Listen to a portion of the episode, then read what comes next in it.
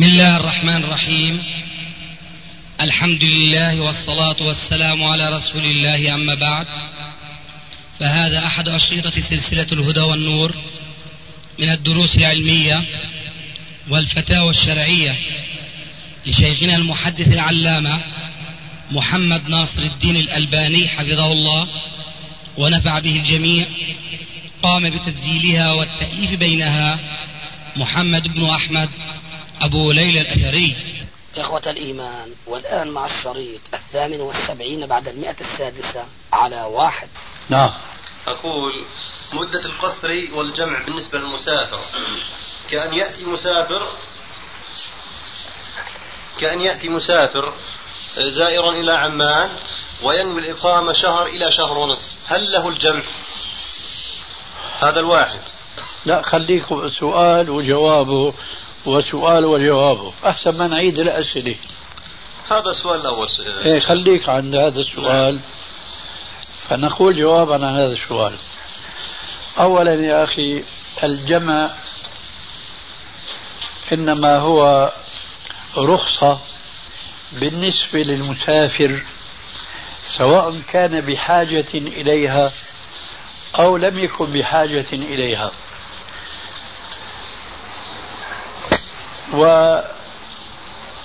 والعمل بها هو أمر يحبه الله عز وجل. كما جاء في الحديث الصحيح إن الله يحب أن تؤتى رخصه كما يحب أن تؤتى عزائمه. إن الله يحب أن تؤتى رخصه كما يحب أن تؤتى عزائمه. فإذا كان رجل مسافرا فعلا فله أن يجمع سواء كان في حاجة إلى الجمع أو لم يكن في حاجة إلى الجمع. لكن الجمع ليس خاصا بالمسافر فقط وإنما هي تجوز أيضا للمقيم لكن ليس من باب الترخص وإنما من باب الحاجة الملحة. لقول ابن عباس رضي الله تعالى عنه كما في صحيح مسلم جمع رسول الله صلى الله عليه وآله وسلم بين الظهر في المدينة بين الظهر والعصر وبين المغرب والعشاء بدون سفر ولا مطر. قالوا ماذا أراد بذلك؟ يا أبا العباس قال أراد ألا يحرج أمته. فهنا أنا أقف قليلا لأن هذه مسألة مهمة جدا ألا وهي الجمع بالنسبة للمقيم. ثم نعود إلى الجمع بالنسبة للمسافر. لأن أكثر الناس كما قال رب العالمين كقاعدة لا يعلمون. ومن جملة ما لا يعلمون هذا الجمع بالنسبة للمقيم. بعضهم يعلم أن الجمع للمقيم يجوز لكنه لا يشترط له أي شرط أي فيجعل الجمع للمقيم كالجمع للمسافر لا يستويان مثلا. يختلف الجمع للمقيم عن الجمع للمسافر. الجمع للمسافر كما قلت آنفا رخصة. ما هو يعني مضطر ولا في حاجة ملحة إلى هذه الرخصة؟ فله أن يفعل ذلك ولا يستطيع أحد أن ينكر لأنه ثبت الجمع بين الصلاتين في الأحاديث الصحيحة خلافا لمن يصور هذا الجمع في السفر ويسميه بالجمع الصوري وأنتم تقولون الجمع الصوري. هذا لا حاجة إليه لغة إنما هو الجمع الصوري. الجمع الحقيقي هو إما تأخير الصلاة الأولى كالظهر مثلا إلى الصلاة الأخرى العصر. فتصليهما معا في وقت العصر ويسمى جمع تأخير. وإما أن تقدم الصلاة الأخرى فتضمها إلى الصلاة الأولى وتصليهما في وقت الأولى الظهر فيسمى جمع تقديم. هذا جمع حقيقي مش جمع صوري.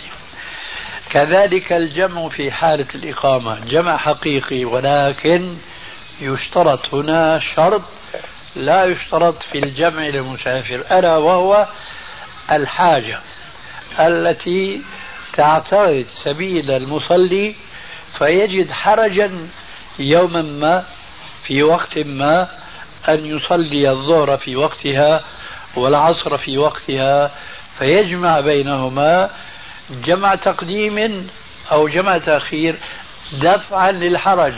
في السفر مش دفعا للحرج وإنما تمسكا بالرخصة.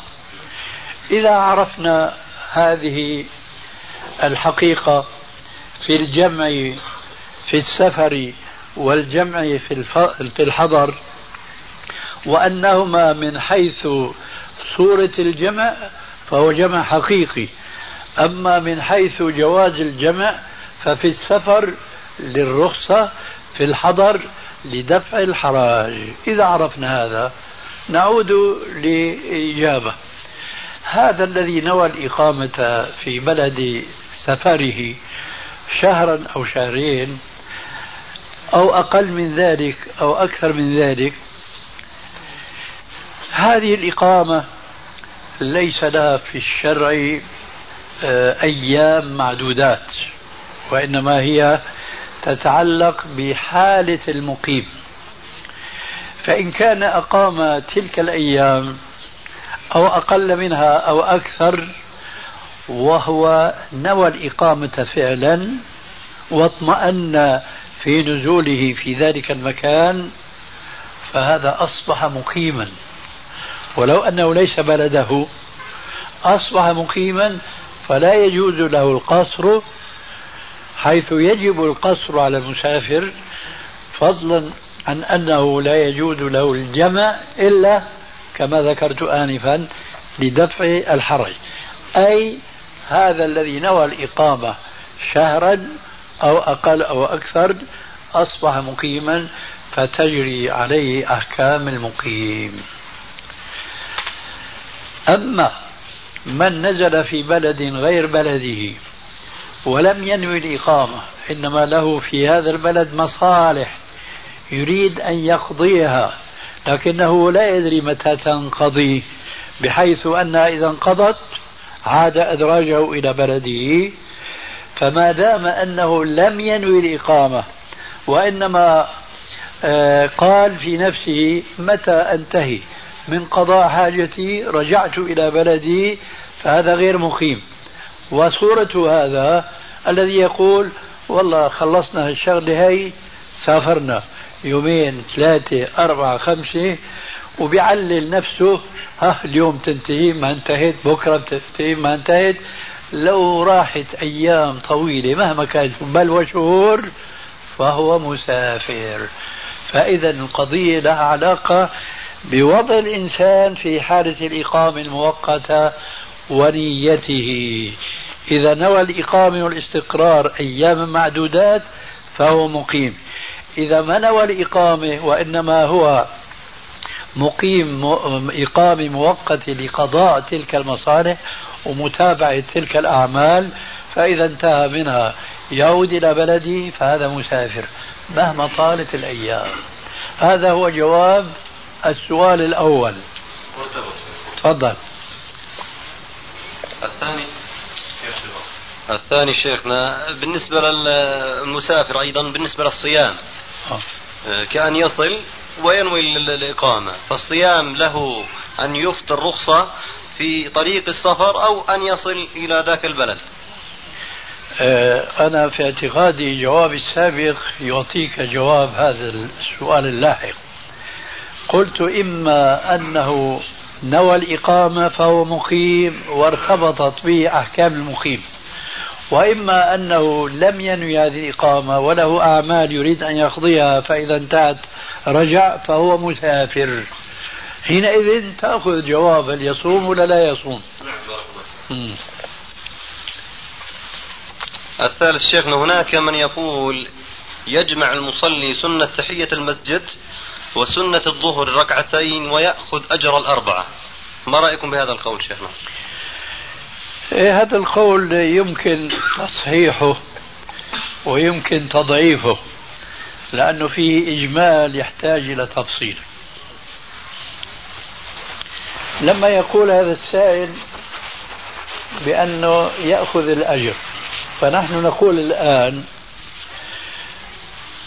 الحديث القدسي يقول يقول الله عز وجل لملائكته يا ملائكتي إذا هم عبدي بحسنة فعملها فاكتبوها له عشر حسنات إلى مئة حسنة إلى سبعمائة إلى أضعاف كثيرة والله يضاعف لمن يشاء.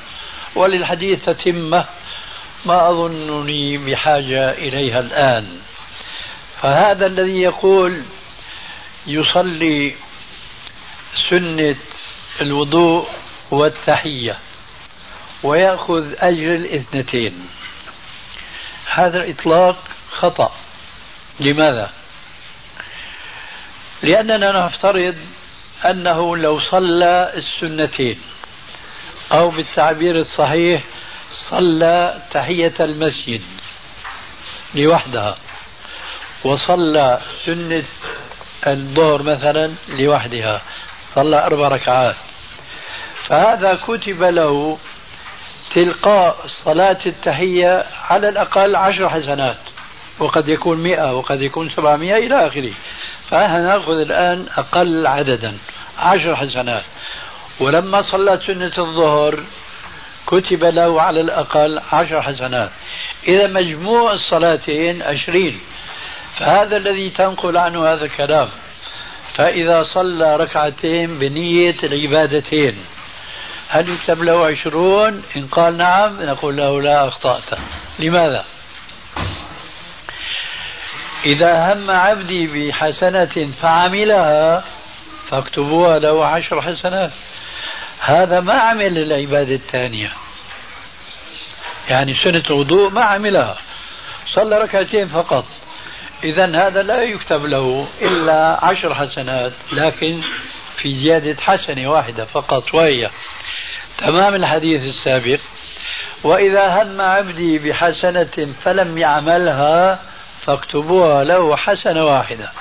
فهذا إذا عمل عبادة واحدة فكتبت له عشر حسنات على الأقل.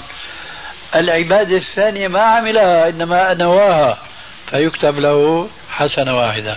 إذا الجواب يكتب له العشر حسنات التي مقابل العمل وحسنة واحدة مقابل النية. إذا فرضنا أن الله عز وجل تفضل عليه وكتب له مقابل الركعتين مئة حسنة سيكتب له مع النية حسنة يصير مية وواحدة وهكذا دواليك. لذلك نحن نقول هنا عندنا ثلاث صور وهي في في التفاضل كما يأتي. أولها وهي أعلاها أن يصلي ركعتين تحية وركعتين سنة الوضوء. وركعتين سنة الوقت صاروا ستة. طيب. هل دونها يصلي ركعتين بثلاث نيات نية التحية ونية الوضوء ونية سنة الوقت. والثالثة والأخيرة بيصلي ركعتين بنية واحدة. فهذا يكتب له عشر حسنات. هل يقبله؟ يكتب له عشرة زائد أجر النية أو النيتين. واللي قبله كذلك يكتب له أجر العبادة الواحدة زائد إيش؟ نيتين. المهم كل عمل له عشر حسنات كررت العمل يتكرر عشر حسنات ما تكرر العمل إنما النية تتكرر فالنية لها أجر واحد واضح؟ طيب إيش بقي عندك شيء؟ السؤال الأخير إن شاء الله الرابع آه. شيخنا كأن يوصي رجل إذا توفى أن يتبرع بأحد أعضاء جسمه كأمثال الذين يتبرعون بالقرنية حاليا. أي نعم. الإجابة بارك الله فيكم. نحن لا نعتقد جواز هذا التبرع لأنه فيه اعتداء على الميت وحرمة الميت المسلم آه، لا تزال قائمة كما لو كان حيا. ولذلك جاءت أحاديث آه، تنهى المسلم عن أن يطأ قبر المسلم. وعن أن يجلس عليه بل جاء وعيد شديد فقال عليه الصلاة والسلام كسر عظم الميت ككسره حيا أي من حيث العقوبة وإلا الميت بعد أن يموت لا يحس بأي شيء يقع في جسده لكن من حيث الحكم الشرعي فكسر عظم الميت ككسره حيا كثيرا ما يرد سؤال في مثل هذه المناسبة أنهم يجرون عمليات جراحية تشريحية ليتعلموا على حساب جثث الموتى. فنقول لا لأن الرسول قال كسر عظم الميت ككسر حيا بالإضافة إلى أحاديث كثيرة تنهى عن المثلة عن المثلة بالميت حتى الكافر. لا يجوز التمثيل بالكافر إذا ما قتله المسلم قتله انتهى أمره. أما يجي يشوه يقطع آذانه أنفه أعضاؤه إلى آخره فهذا لا يجوز حرمة لهذا الميت الكافر. فضلا عن المسلم. فنقول إذا كان لابد للطبيب المسلم من أن يتمرن على حساب جثث الموتى فليبتعد عن جثث المسلمين. وذلك لأنه جاء في رواية صحيحة كسر عظم المؤمن الميت كسر عظم المؤمن الميت ككسره حيا.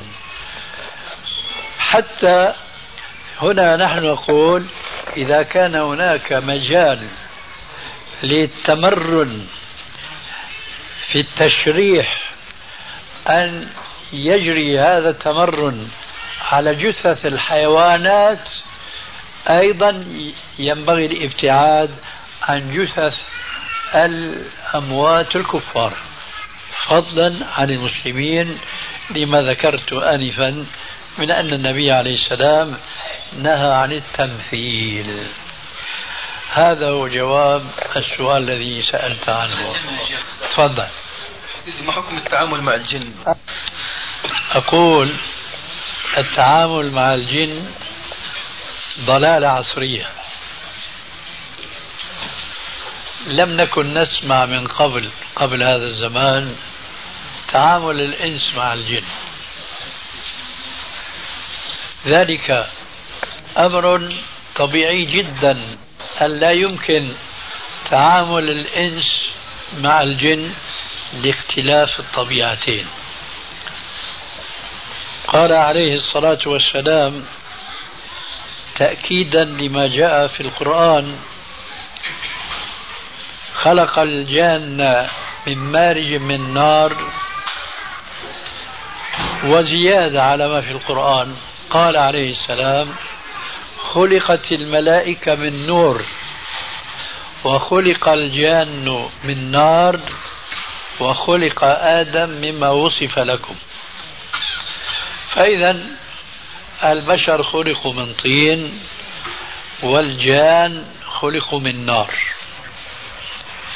فأنا أعتقد أن من يقول بإمكان التعامل مع الجن مع هذا التفاوت في أصل الخلقة مثله عندي كمثل من قد يقول وما سمعنا بعد من يقول ماذا؟ تعامل الإنس مع الملائكة. هل يمكن أن نقول بأن الإنس بإمكانهم أن يتعاملوا مع الملائكة؟ الجواب لا. لماذا؟ نفس الجواب. خلقت الملائكة من نور وخلق آدم بما وصف لكم أي من تراب. فهذا الذي خلق من تراب لا يمكنه أن يتعامل مع الذي خلق من نور. كذلك أنا أقول لا يمكن للإنس أن يتعامل مع الجن بمعنى التعامل الذي معروف بيننا نحن البشر. نعم يمكن أن يكون هناك نوع من التعامل بين الإنس والجن كما أنه يمكن أن يكون هناك نوع من التعامل بين الإنس والملائكة أيضا. لكن هذا نادر نادر جدا جدا. ولا يمكن ذلك مع الندرة إلا إذا شاء الملك وشاء الجان أما أن يشاء الإنس أن يتعامل معاملة ما مع ملك ما فهذا مستحيل. وأما أن يشاء الإنس أن يتعامل مع الجن رغم أنف الجن هذا مستحيل لأن هذا كان معجزة لسليمان عليه الصلاة والسلام. ولذلك جاء في الحديث الصحيح في البخاري أو مسلم أو في كليهما معا أن النبي صلى الله عليه وآله وسلم قام يصلي يوما. بالناس إماما. وإذا بهم يرونه كأنه يهجم على شيء ويقبض عليه. ولما سلم قالوا له يا رسول الله رأيناك فعلت كذا وكذا. قال نعم. إن الشيطان هجم أو قال عليه السلام هذا المعنى علي. وفي يدي شعلة من نار يريد أن يقطع علي صلاتي. فأخذت بعنقه حتى وجدت برد لعابه في يدي. ولولا دعوة أخي سليمان عليه السلام رب هب لي ملكا لا ينبغي لأحد من بعدي لا ربطته بسارية من سواري المسجد حتى يصبح أطفال المسلمين يلعبون به. لكنه عليه الصلاة والسلام تذكر دعاء أخيه سليمان عليه السلام رب هب لي ملكا لا ينبغي لأحد من بعدي. لولا هذه الدعوة كان الرسول ربطه لكنه لم يفعل لأنه أطلق سبيله بالرغم أنه أراد أن يقطع عليه صلاته. فالآن ما يشاع في هذا الزمان من تخاطب الإنس مع الجن أو الإنس المتخصص في هذه المهنة زعم أن يتخاطب مع الجن وأن يتفاهم معه وأن يسأله عن داء هذا المصاب أو هذا المريض وعن علاجه. هذا إلى حدود معينة يمكن لكن يمكن واقعيا ولا يمكن شرعا لأن ليس ما هو ممكن واقعا يمكن أو يجوز شرعا. يمكن للمسلم أن ينال رزقه بالحرام. كما ابتلي المسلمون اليوم بالتعامل بالربا. معاملات كثيرة وكثيرة جدا لكن هذا لا يمكن شرعا. هذا لا يجوز شرعا. فما كل ما يجوز واقعا يجوز شرعا. لذلك نحن ننصح الذين ابتلوا بإرقاء المسروعين من الإنس بالجن أن لا يحيدوا أو أن لا يزيدوا على تلاوة القرآن على هذا المصروع أو ذاك. في سبيل تخليص هذا الإنس الصريع من ذاك الجن الصريع. صريع اسم مفعول واسم فاعل. ففي هذه الحدود فقط يجوز وما سوى ذلك فيه تنبيه لنا في القرآن الكريم على أنه لا يجوز.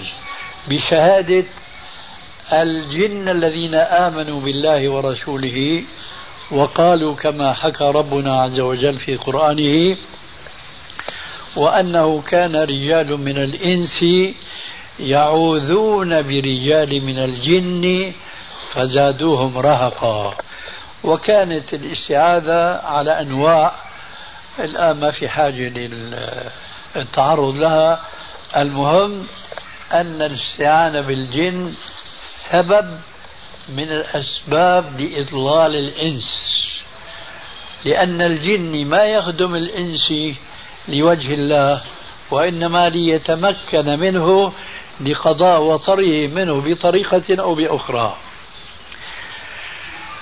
لقد كنا في زمن مضى ابتلينا بضلال لم تكن معروفة من قبل وهي ضلالة استهدار عفوا أولا تنويم المغناطيسي فكانوا يضللون الناس بشيء سموه بالتنويم المغناطيسي يسلطون بصر شخص معين على شخص عنده استعداد لينام ثم يتكلم زعم بأمور غيبية.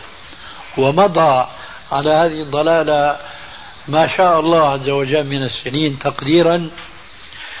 ثم حل محلها ضلالة جديدة وهي استحضار الأرواح. ولا نزال إلى الآن نسمع شيئا عنها ولكن ليس كما كنا نسمع من قبل. ذلك لأنه حل محل الآن الاتصال بالجن مباشرة لكن من طائفة معينين وهم الذين دخلوا في باب الاتصال بالجن باسم الدين. وهذا أخطر من ذي قبل. التنويم مغناطيسي لم يكن باسم الدين وإنما كان باسم العلم. استحضار الأرواح لم يكن باسم الدين إنما كان باسم العلم أيضا. أما الآن فبعض المسلمين وقعوا في ضلالة الاستعانة بالجن باسم الدين. أن الرسول عليه السلام ثبت عنه أنه قرأ بعض الآيات على بعض الناس الذين كانوا يصرعون من الجن فشفاهم الله. هذا صحيح. لكن هؤلاء بدأوا من هذه النقطة ثم وسعوا الدائرة إلى الكلام هل أنت مسلم؟ لا ماني مسلم.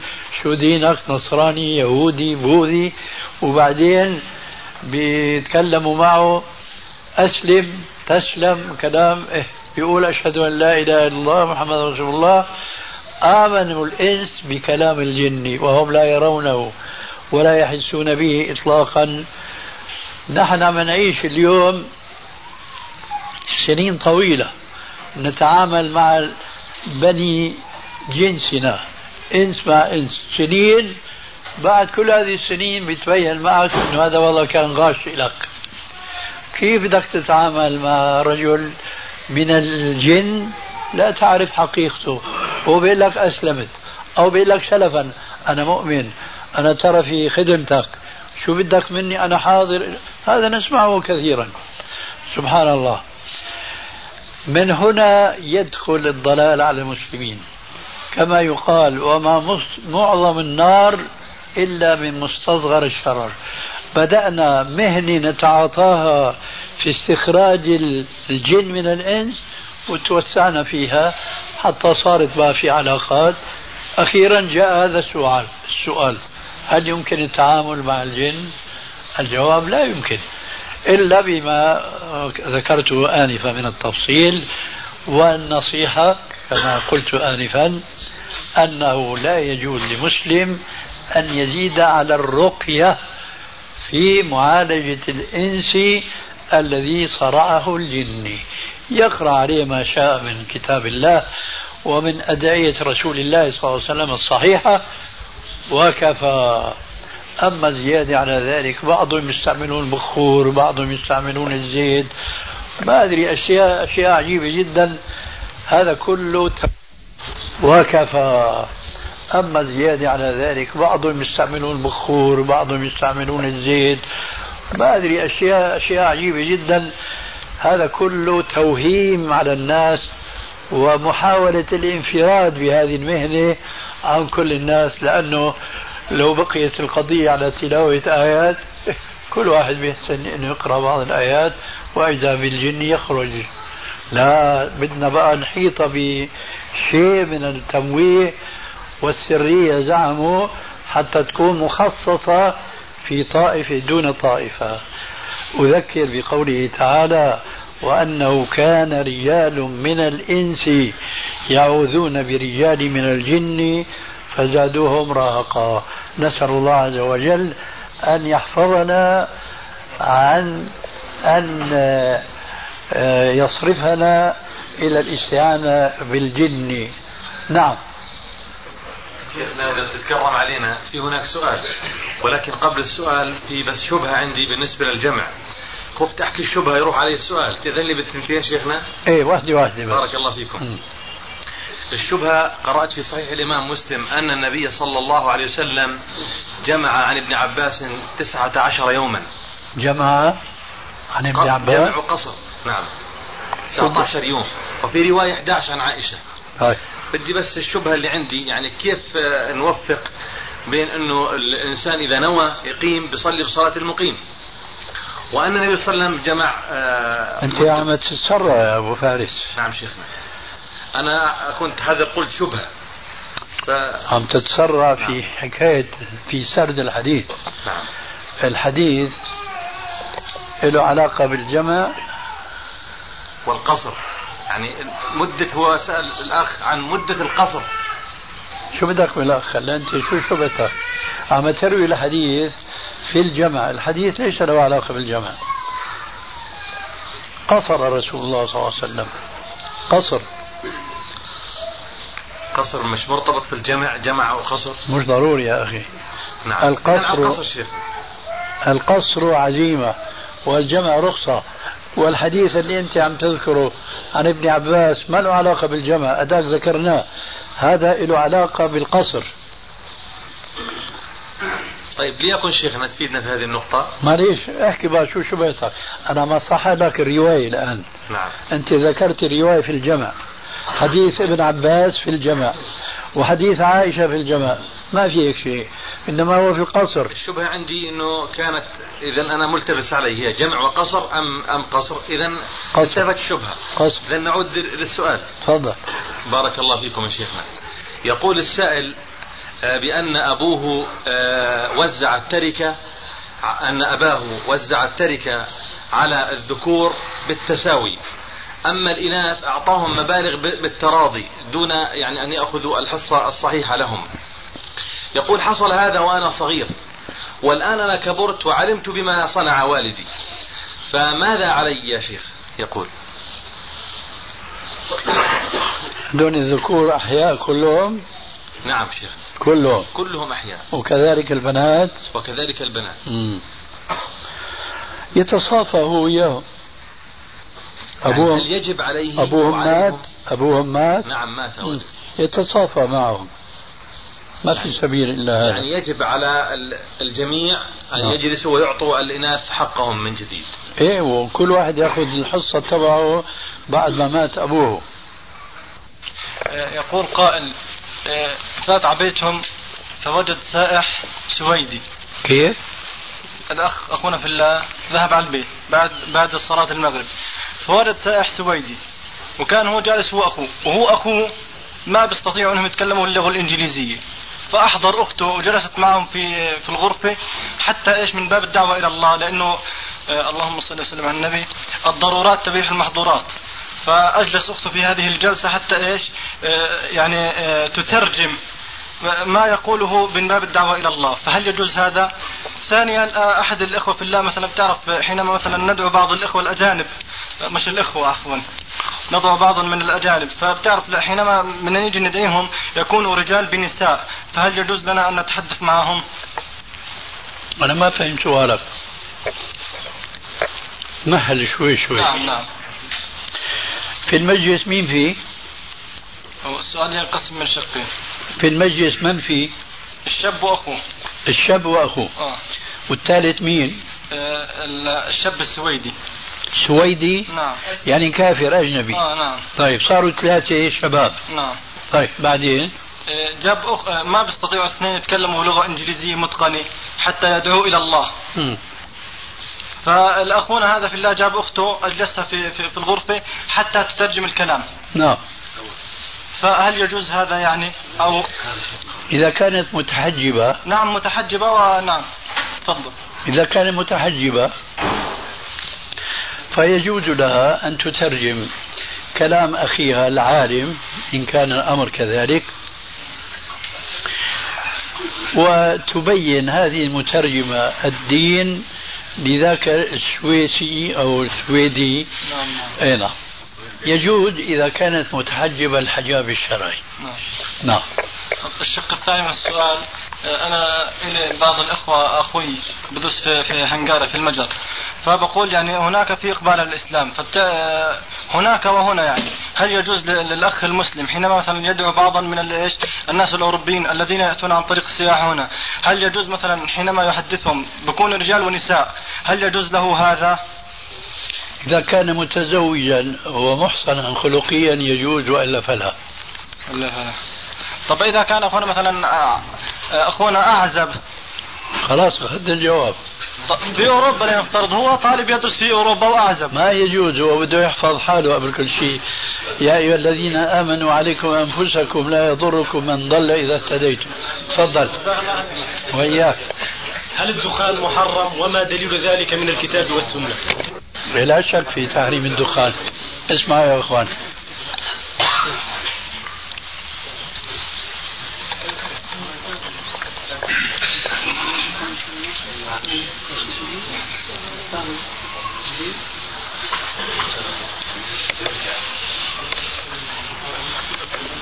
الدخان حرام لأسباب كثيرة. أولا أنه يضر بنفسه وهذا الضرر في النفس له صورتان. ضرر في بدنه وضرر في ماله. ثم الضرر الذي في بدنه يتعدى إلى غيره. فبصير التحريم يعلو ويتضاعف. المعصية أي معصية؟ إما أن يأتي بها العاصي سرا وإما أن يأتي بها جهرا أمام الناس. فإذا أتى بها سرا فهو عاص لله مرة. وإذا أتى بها جهرا فهو عاص لله مرتين. والسبب في ذلك أن عدوى معصيته تنتقل إلى غيره فيتضرر الغير بمعصيته في نفسه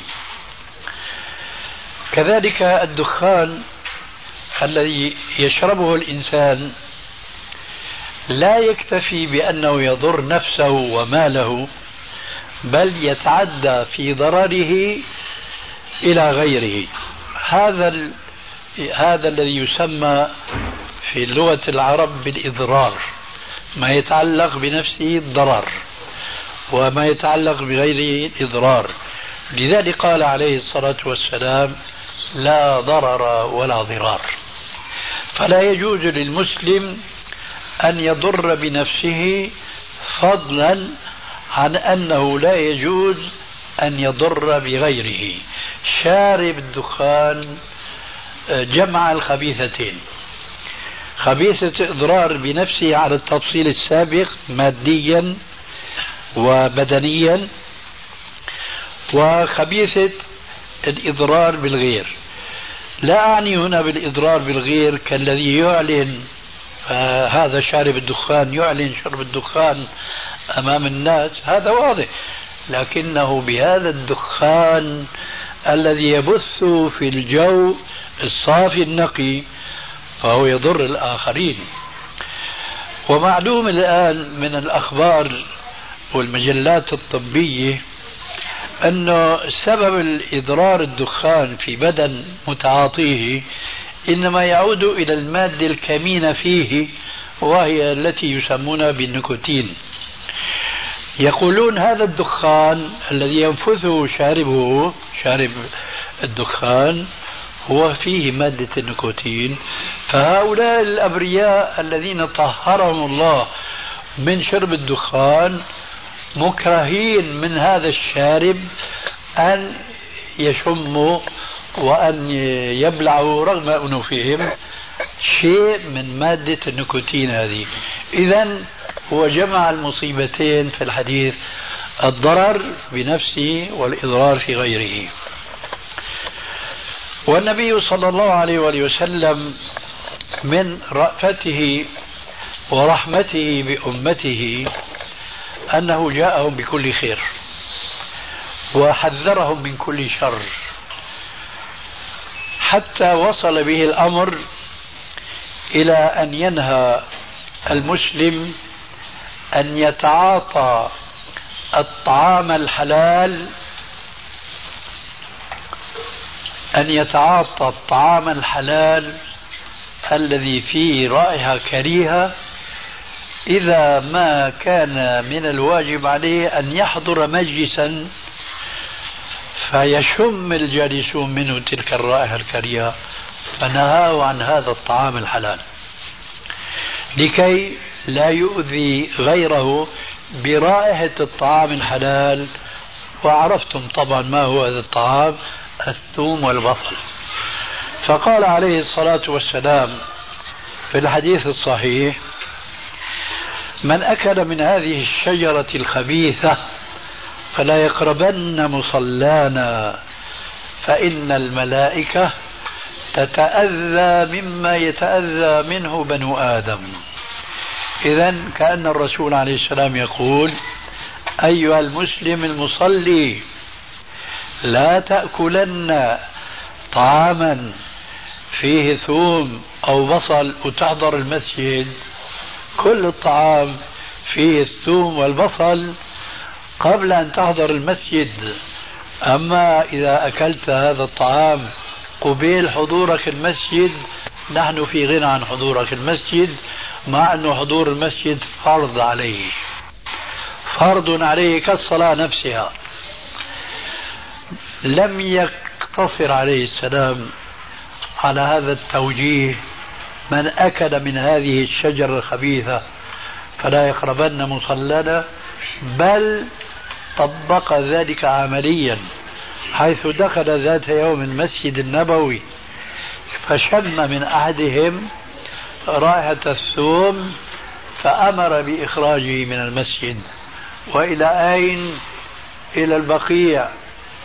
إلى المقابر كأنه يشير بهذا التنفيذ العملي أن المسلم الذي يحضر مساجد المسلمين وهو يحمل في فمه رائحة كريهة يؤذي المصلين هذا لا يليق بأن يعيش مع المصلين بل ولا مع الأحياء الذين هم خارج المسجد عليه أن يعيش مع الأموات في المقابر ترى لو كان رسول الله صلى الله عليه وسلم في عصرنا هذا ودخل المسجد وشم رائحة إنسان يصلي بجانبه أو من خلفه رائحة الثوم البصل كان يمكن بيوصل المريخ بقى مش مش المقابر آه. ليه؟ لأنه عم يضر المسلمين مش بطعام فيه منفعة الأطباء اليوم يذكروا منافع البصل والثوم. أشياء عجيبة وغريبة جدا. على العكس من ذلك بيذكروا الآن من أضرار الدخان منه هالمرض الخبيث هذا السرطان اللي بيسموه فإذا كان رائحة الطعام النافع بسبب رائحته الكريهة في المسجد أخرجه إلى البقيع. فإذا شم رائحة شارب الدخان الذي يضر نفسه ويضر زوجه ويضر أولاده ومن عجب أن ترى بعض الآباء يدمنون شرب الدخان إذا شاف ابنه عم يشرب بناره.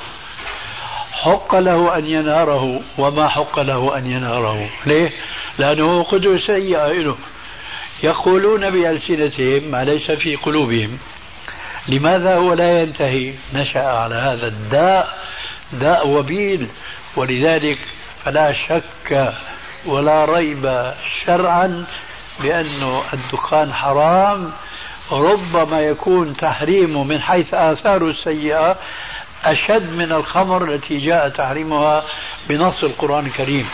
والمحرمات طبعا في الشرع ليس من الضروري أن تكون بنصوص كلها بنصوص يشترك في فهمها كل مسلم. يعني الآن لو ضربنا مثلا هذه المخدرات التي فشت في بلاد الكفر والضلال أوروبا وأمريكا إلى آخره وعم يجهزوا جيوش من أنواع مختلفة لمقاومة انتشار هذا الفساد وبالكاد أنه يقضوا عليه.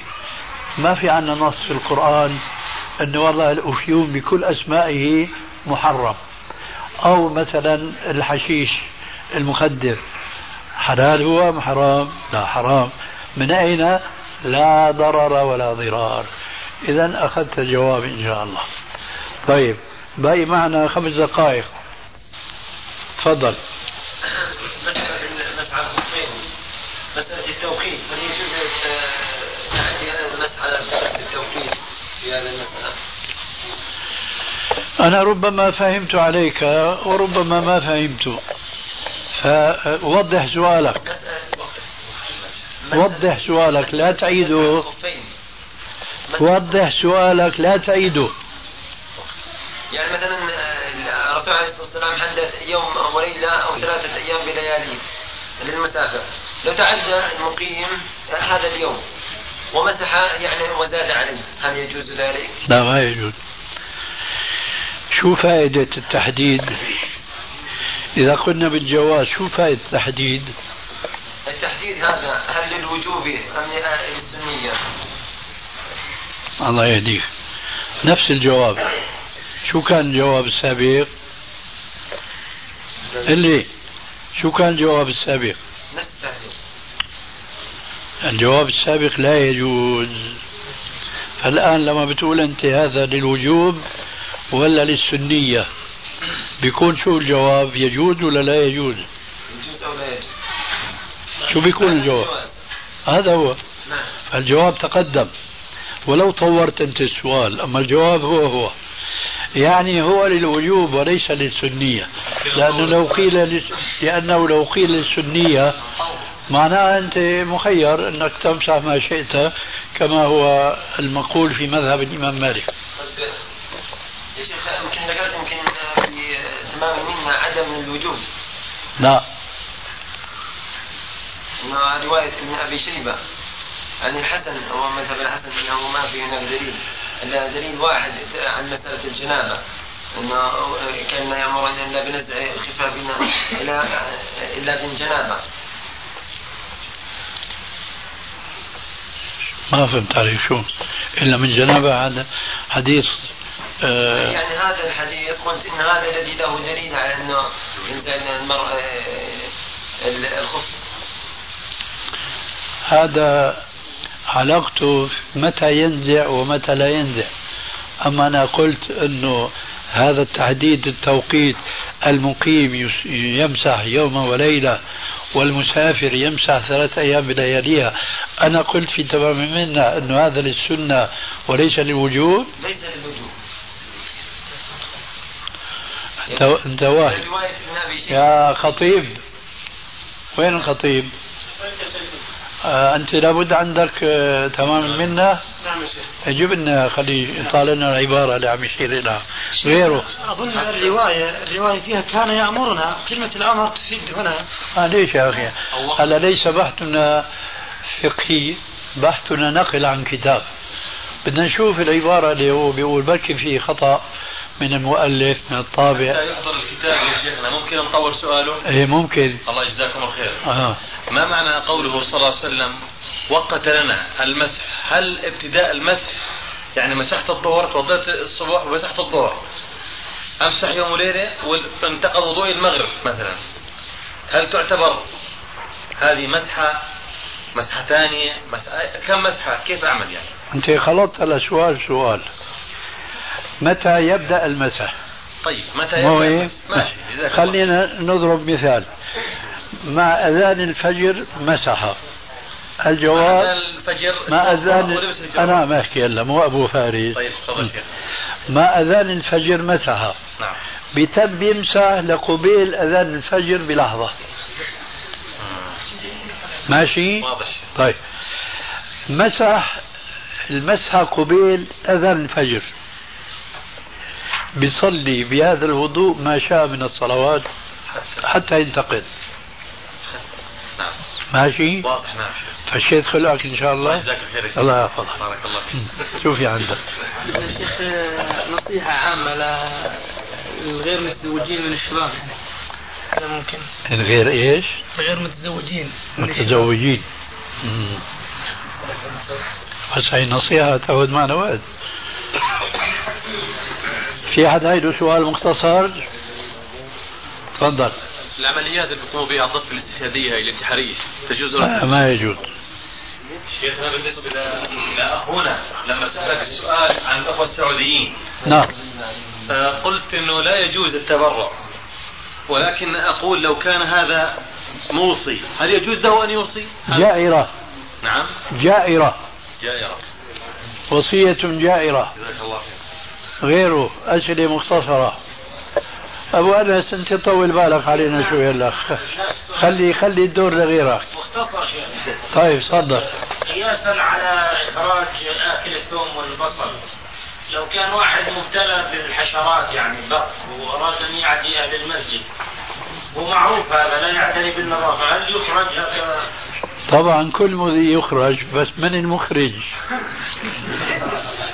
نعم. غيره. تفضل. الشيخ بطريقة التلقيح الصناعي بين زوجين متزوجين على شرعي هل تجوز؟ آه، لا يجوز بعد التفكير في القضية إلا إذا كان الزوجان طبيبين أو أحدهما على الأقل. ويتعاطى أحدهما التلقيح بيده. أما التلقيح بين زوجين على أيدي رجال أو نساء غرباء عنهما فهذا لا يجوز. يعني القضية من حيث أنها تلقيح صناعي ما فيه شيء إطلاقا كالتفقيس بالنسبة للدجاج تماما.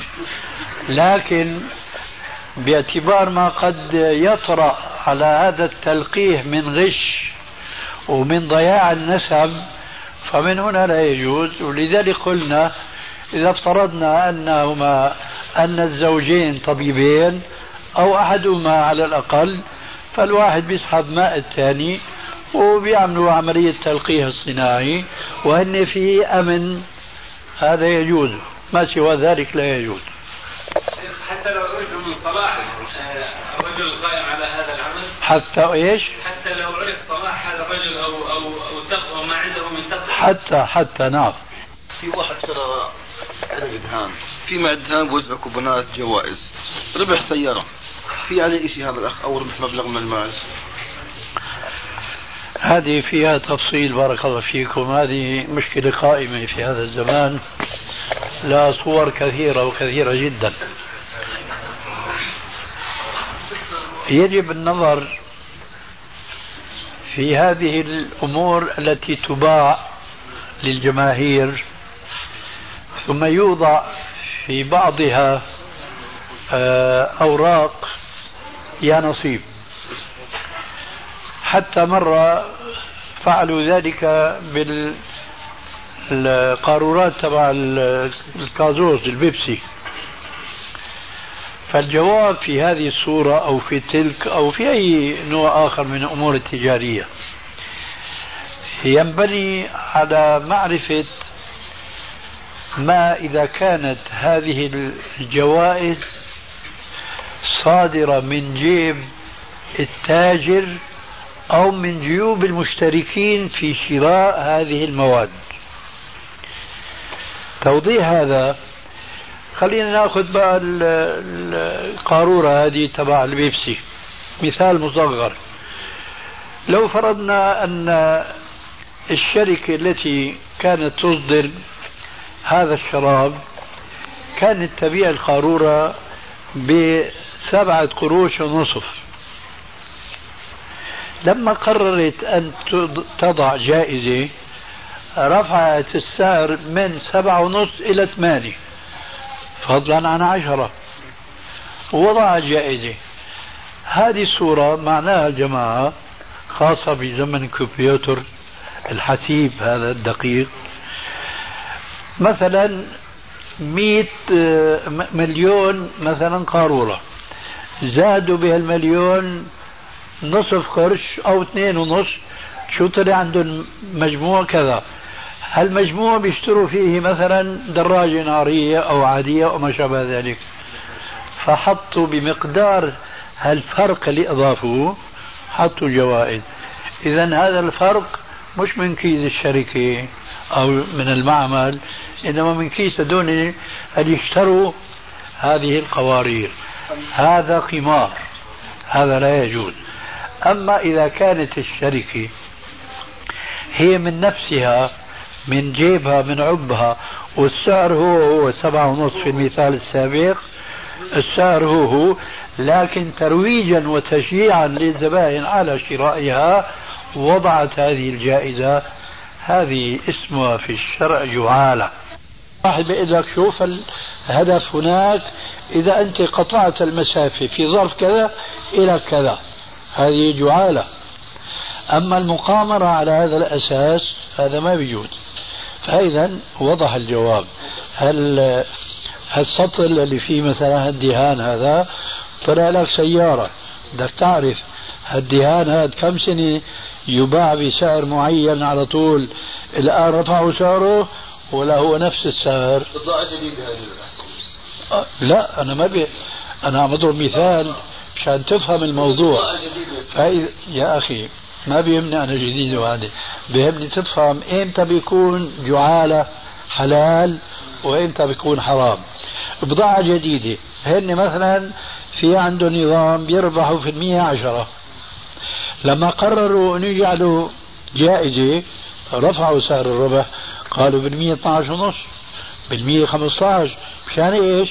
مشان الزيادة يشتروا قيمة الجوائز. ها هذا قمار ما بيجوز. أنا ما عم أحكي عن الحقائق عم إيش عم أصور لك متى يكون حلالا متى يكون حراما. وسبحانك اللهم وبحمدك أشهد أن لا إله إلا أنت أستغفرك وأتوب إليك.